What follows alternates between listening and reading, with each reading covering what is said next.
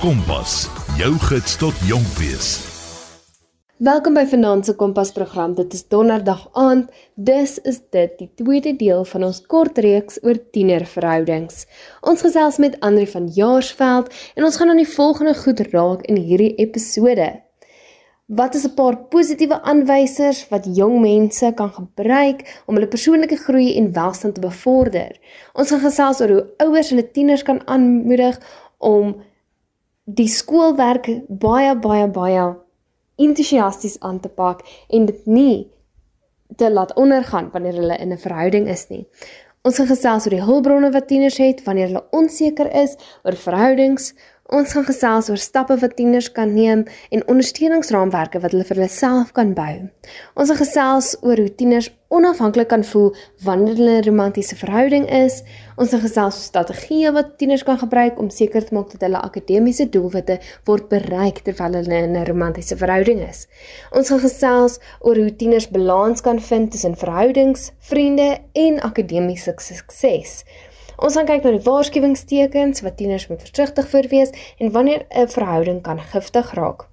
Ons gaan ook raak oor positiewe bevordering in verhoudings. Ons gaan kyk na stokperdjies en hoe dit verhoudings beïnvloed en ons gaan kyk tussen die wat vir hoe verskei mens tussen stres van akademie en stres van verhoudings. Ek is opgewonde om verder met Andri te gesels oor hierdie onderwerp. As jy enige navrae het, is jy welkom vir my e-pos te stuur op my e-posadres martleenoosthuizen@gmail.com. M A R T L E N O S T H I I Z E N@gmail.com. So kom ons spring in gesels met Andri. Baie dankie dat jy deelgeneem het aan vanaand se program, Andri.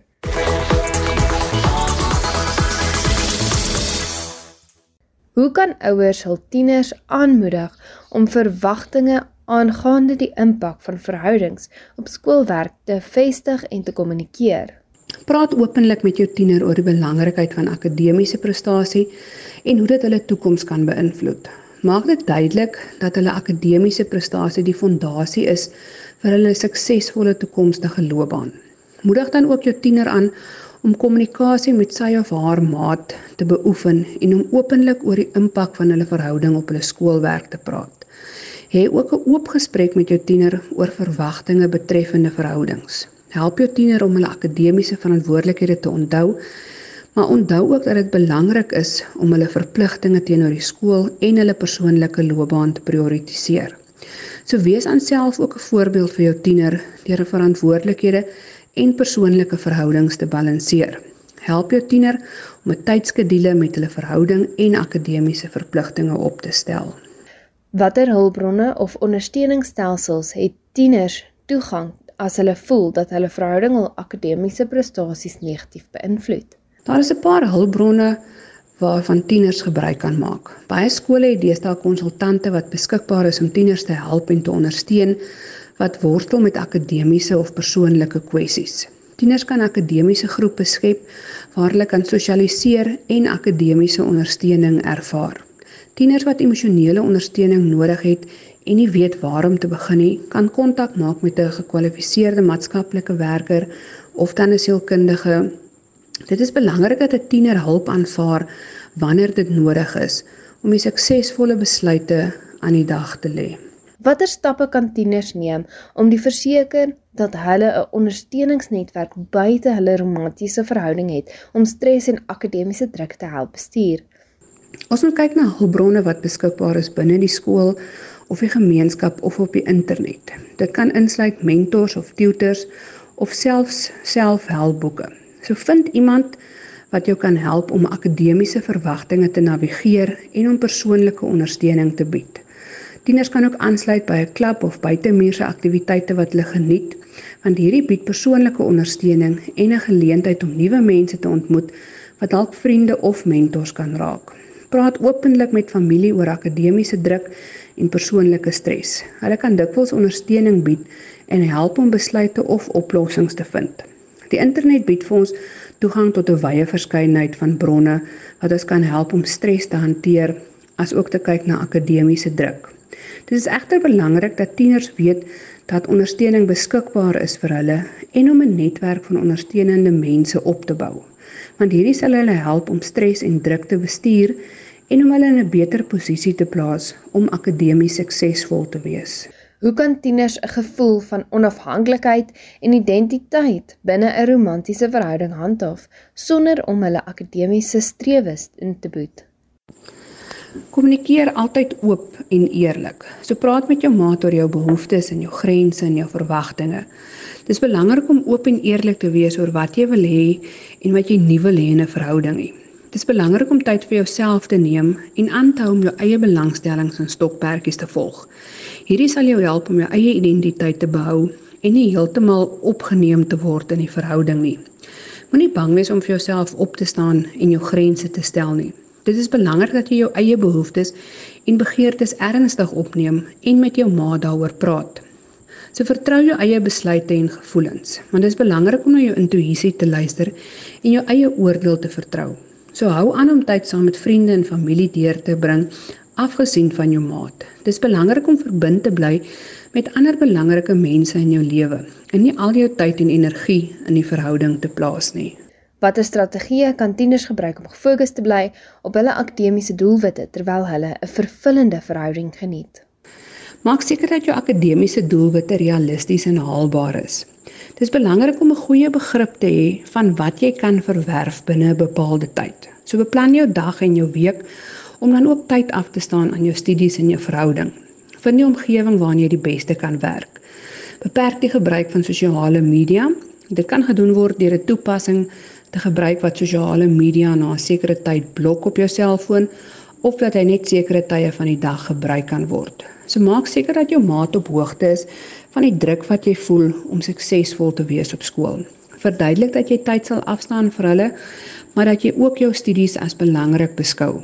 Deel dan hierdie werksplan met jou maat. Dit kan 'n groot bydrae tot wederwysige respek hê as beide partye bewus is van die ander se werksverpligtinge. Onthou ook om tyd af te staan vir ontspanning, ongeag of dit spesifieke aktiwiteite is en of dit net tyd is om te ontspan.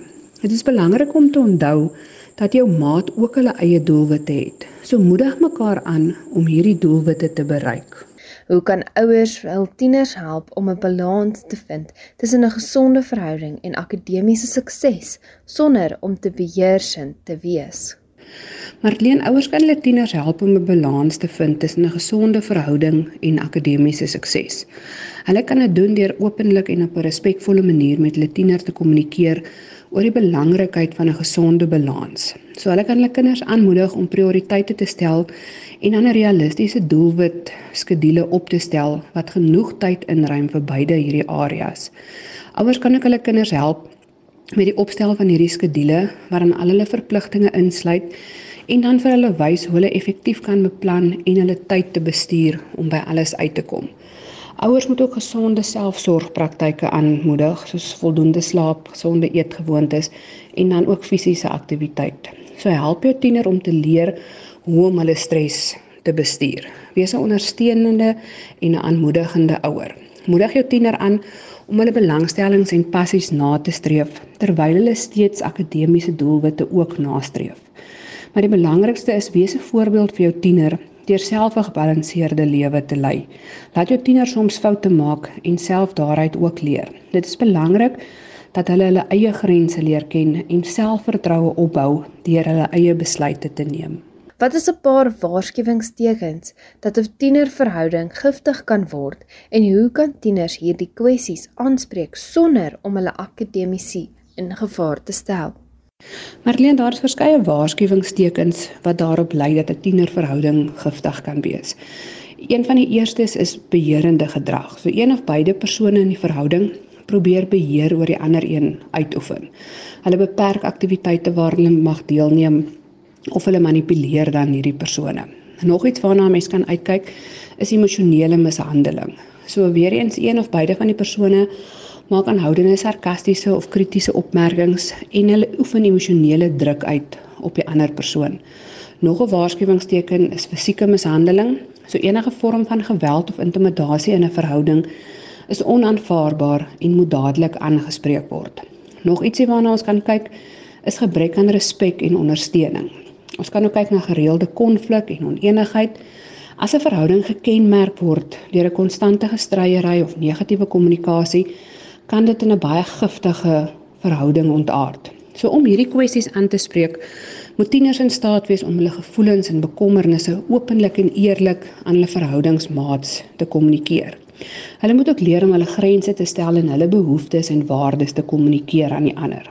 Daarbenewens is dit ook belangrik vir tieners om ondersteuning te soek by betroubare volwassenes as hulle in 'n giftige verhouding vasgevang is of onseker voel. Tieners moet nooit bang wees om hulp te soek of om hulle self te beskerm nie. Veiligheid en welsyn moet altyd ons as ouers en onderwysers se eerste prioriteit wees as dit kom by tienerverhoudings. Hoe kan tieners 'n gevoel van wederwysige respek en begrip in hul verhoudings bevorder om 'n positiewe impak op hul algehele welstand te skep? Marleen, respek en begrip vir verhoudings is nie iets waarmee tieners gebore word nie. So dit is iets wat hulle in ander mense se verhoudings waarneem en wat hulle dan daaruit leer. So dit is belangrik dat ons weer eens tieners moet leer om oop en eerlik te kommunikeer met hulle verhoudingmaat. So ons moet hulle aanmoedig om hulle gevoelens en behoeftes en sienings met respek en begrip met mekaar te deel. So ons moet aandagtig luister na mekaar se sienings en probeer om mekaar se standpunte te verstaan. Selfs as jy nie saamstem nie. So leer om jou grense te stel en dan dit te respekteer. So handhaaf grense wat jou veiligheid, gesondheid en welsyn beklemtoon. Toon empatie en ondersteuning vir mekaar se emosionele welstand asook mekaar se behoeftes en uitdagings leer hoe om konflik op 'n gesonde manier te bestuur deur gesprekvoering en nie veroordelend of manipulerend te wees nie. Ons moet ook tieners aanmoedig om te groei en te leer en persoonlike doelwitte na te streef sodat hulle mekaar kan ondersteun in die bereiking van hulle ambisies en doelwitte.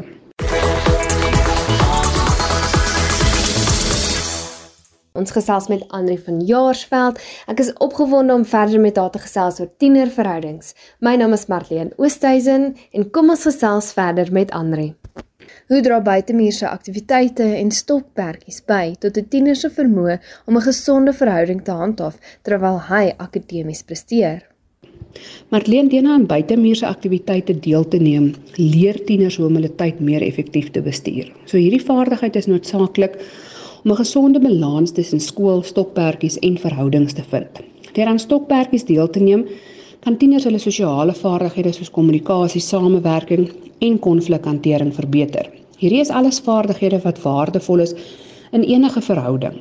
So buitemuurse aktiwiteite laat tieners toe om nuwe talente en belangstellings te ontdek wat dan ook help om hulle selfvertroue te kan verhoog. So dit kan hulle help om meer veilig in 'n verhouding te voel en hulle eie behoeftes en grense beter te verstaan. So deelname aan stokperdjies en aktiwiteite wat tieners geniet, kan hulle ook help om stres te verminder en ontspanning te bevorder. Dit kan hulle help om akademiese druk of enige ander spanning wat 'n verhouding mag meebring, beter die hoof te bied. Watter rol kan mentors of rolmodelle speel om tieners te begelei om verhoudings en akademiese verantwoordelikhede suksesvol te balanseer? Mentors en rolmodelle kan 'n belangrike rol speel in die begeleiding van tieners, want hulle kan tieners ondersteun deur advies te gee, leiding en aanmoediging te bied oor hoe hulle verhoudings en akademiese verantwoordelikhede kan balanseer. Hulle kan dan ook help om strategiese beplanning en tydsbestuursvaardighede vir tieners aan te leer. So mentors en rolmodelle dien dan ook as voorbeeld vir tieners deur hulle eie suksesvolle balansering van verhoudings en akademiese verantwoordelikhede te demonstreer. Hulle kan 'n veilige ruimte skep waar tieners hulle gevoelens en uitdagings kan deel. Mentors en rolmodelle kan tieners ook aanmoedig en beloon vir elke suksesvolle prestasie wat hulle behaal. Hierdie sal dan weer tieners motiveer en hulle selfvertroue versterk. So die teenwoordigheid van 'n mentor of 'n rolmodel kan 'n baie positiewe impak hê op 'n tiener se lewe en kan help om hulle te lei na 'n gesonde en 'n gebalanseerde leefwyse. Hoe kan tieners hulle persoonlike prioriteite en waardes bevestig en aan hulle maats kommunikeer om 'n gesonde verhouding te handhaaf? Die vestiging van persoonlike prioriteite en waardes is 'n baie belangrike stap vir tieners om 'n gesonde verhouding te ontwikkel en dan ook te handhaaf. So tieners kan begin deur selfrefleksie te doen oor wat vir hulle belangrik is en wat hulle waardes en doelwitte in die lewe is. Dit kan hulle help om hulle prioriteite te identifiseer en dan 'n duidelike idee te kry oor wat vir hulle belangrik is in 'n verhouding. So tieners kan hulle persoonlike prioriteite en waardes kommunikeer aan hulle maats deur oop en eerlike gesprekke daaroor te voer En dit is baie belangrik om eerlik te wees oor jou behoeftes en verwagtinge en grense en om ook te luister na wat jou maat as belangrik ag. So tieners moet bereid wees om gesonde grense te stel om hulle persoonlike prioriteite en waardes te beskerm. So dit kan beteken dat hulle soms moet nee sê wanneer iets nie ooreenstem met hulle waardes nie. Tieners kan 'n gesonde verhouding vestig deur saam te werk met hulle maats en mekaar se persoonlike prioriteite en waardes te respekteer. Watter impak kan 'n ondersteunende en begripvolle vriendekring hê om 'n tiener se vermoë om 'n gesonde verhouding saam met akademiese verpligtinge te bestuur? 'n Ondersteunende vriendekring kan 'n veilige ruimte skep vir tieners waar hulle hulle gevoelens en emosies kan deel. So dit kan tieners help om hulle eie stres te verlig en om beter met emosionele uitdagings om te gaan. 'n Ondersteunende vriendekring kan ook tieners motiveer en aanmoedig om hulle beste te gee in beide hulle verhoudings en dan ook hulle akademiese werk. 'n Vriendekring kan tieners ook help om gemotiveerd te bly en te volhard selfs wanneer dinge dan nou moeilik gaan. En 'n ondersteunende vriendekring kan tieners ook ondersteun deur tyd te spandeer aan akademiese werk en deur mekaar te ondersteun. Dit kan weer 'n gevoel van samehorigheid en samewerking skep wat tieners kan motiveer om beter te doen.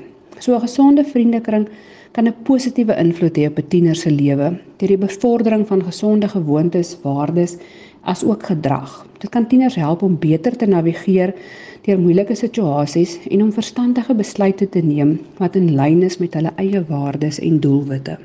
Hoe kan tieners groepsdruk binne hulle verhoudings navigeer om te verseker dat hulle nie hulle akademiese fokus inmeng nie? Marleen groepsdruk kan 'n groot invloed hê op tieners in hulle verhoudings en dit kan 'n uitdagende faktor wees vir hulle. So dit is belangrik vir tieners om hulle persoonlike grense te ken en te bepaal wat aanvaarbaar is vir hulle en wat nie in 'n verhouding. So deur te weet wat jy nie wil doen nie en waarmee jy nie gemaklik is nie, kan jy meer selfversekerd optree en dan nee sê as dit nodig is. So dit is belangrik vir tieners om eerlik te kommunikeer met hulle maats oor hulle behoeftes en verwagtinge en ook hulle grense. So as jy jou maat openlik vertel wat vir jou belangrik is en wat nie aanvaarbaar is vir jou nie, kan jy 'n gesonde balans probeer vind tussen iets wat beide partye se behoeftes akkommodeer. So as tieners voel dat hulle onder druk geplaas word deur hulle vriende of 'n geliefde, moet hulle nie skaam wees om hulp te soek nie. So tieners moet hulle akademiese fokus as prioriteit stel en besef dat dit belangrik is vir hulle toekoms. En deur te besef wat regtig belangrik is vir jou, kan jy makliker besluite neem wat in lyn is met jou waardes en doelwitte. So dit is belangrik vir tieners om selfvertroue te ontwikkel en om te leer om nee te sê wanneer dit dan nodig is. So wees selfstandig in jou besluite en laat niemand jou dwing om iets te doen wat jy nie graag wil doen nie. Watter kommunikasiestrategieë kan tieners gebruik om hulle akademiese behoeftes en bekommernisse aan hulle maats uit te druk sonder om die konflik te veroorsaak? Marlene, dit is belangrik om eerlik te wees wanneer jy met jou maat kommunikeer oor jou akademiese behoeftes of bekommernisse wat jy het. So wees opreg oor hoe jy voel en wat jy nodig het van hulle om jou te ondersteun. Dit is belangrik om 'n gepaste tyd en plek te kies om met jou maat te praat oor jou akademiese behoeftes. So probeer dit doen wanneer almal rustig en ontspanne is en kies 'n privaat plek waar jy dan kan gesels. So stel duidelike verwagtinge oor jou akademiese werk en laat jou geliefde weet wat jy nodig het van hulle in terme van ondersteuning en respek vir jou studietye en verpligtinge. Luister dan ook na jou maat se siening hieroor. Luister ook na hulle behoeftes en sien of daar 'n manier is waarop julle almal tevrede kan wees. So soek 'n kompromie waarby al die betrokke partye kan baat vind. Dit beteken dat jy dalk moet aanpas by jou maat se behoeftes of dalk hulle by jou moet aanpas maar dit is belangrik om 'n balans te vind wat vir almal werk. Dan nog 'n goeie stukkie raad is gebruik ek boodskappe.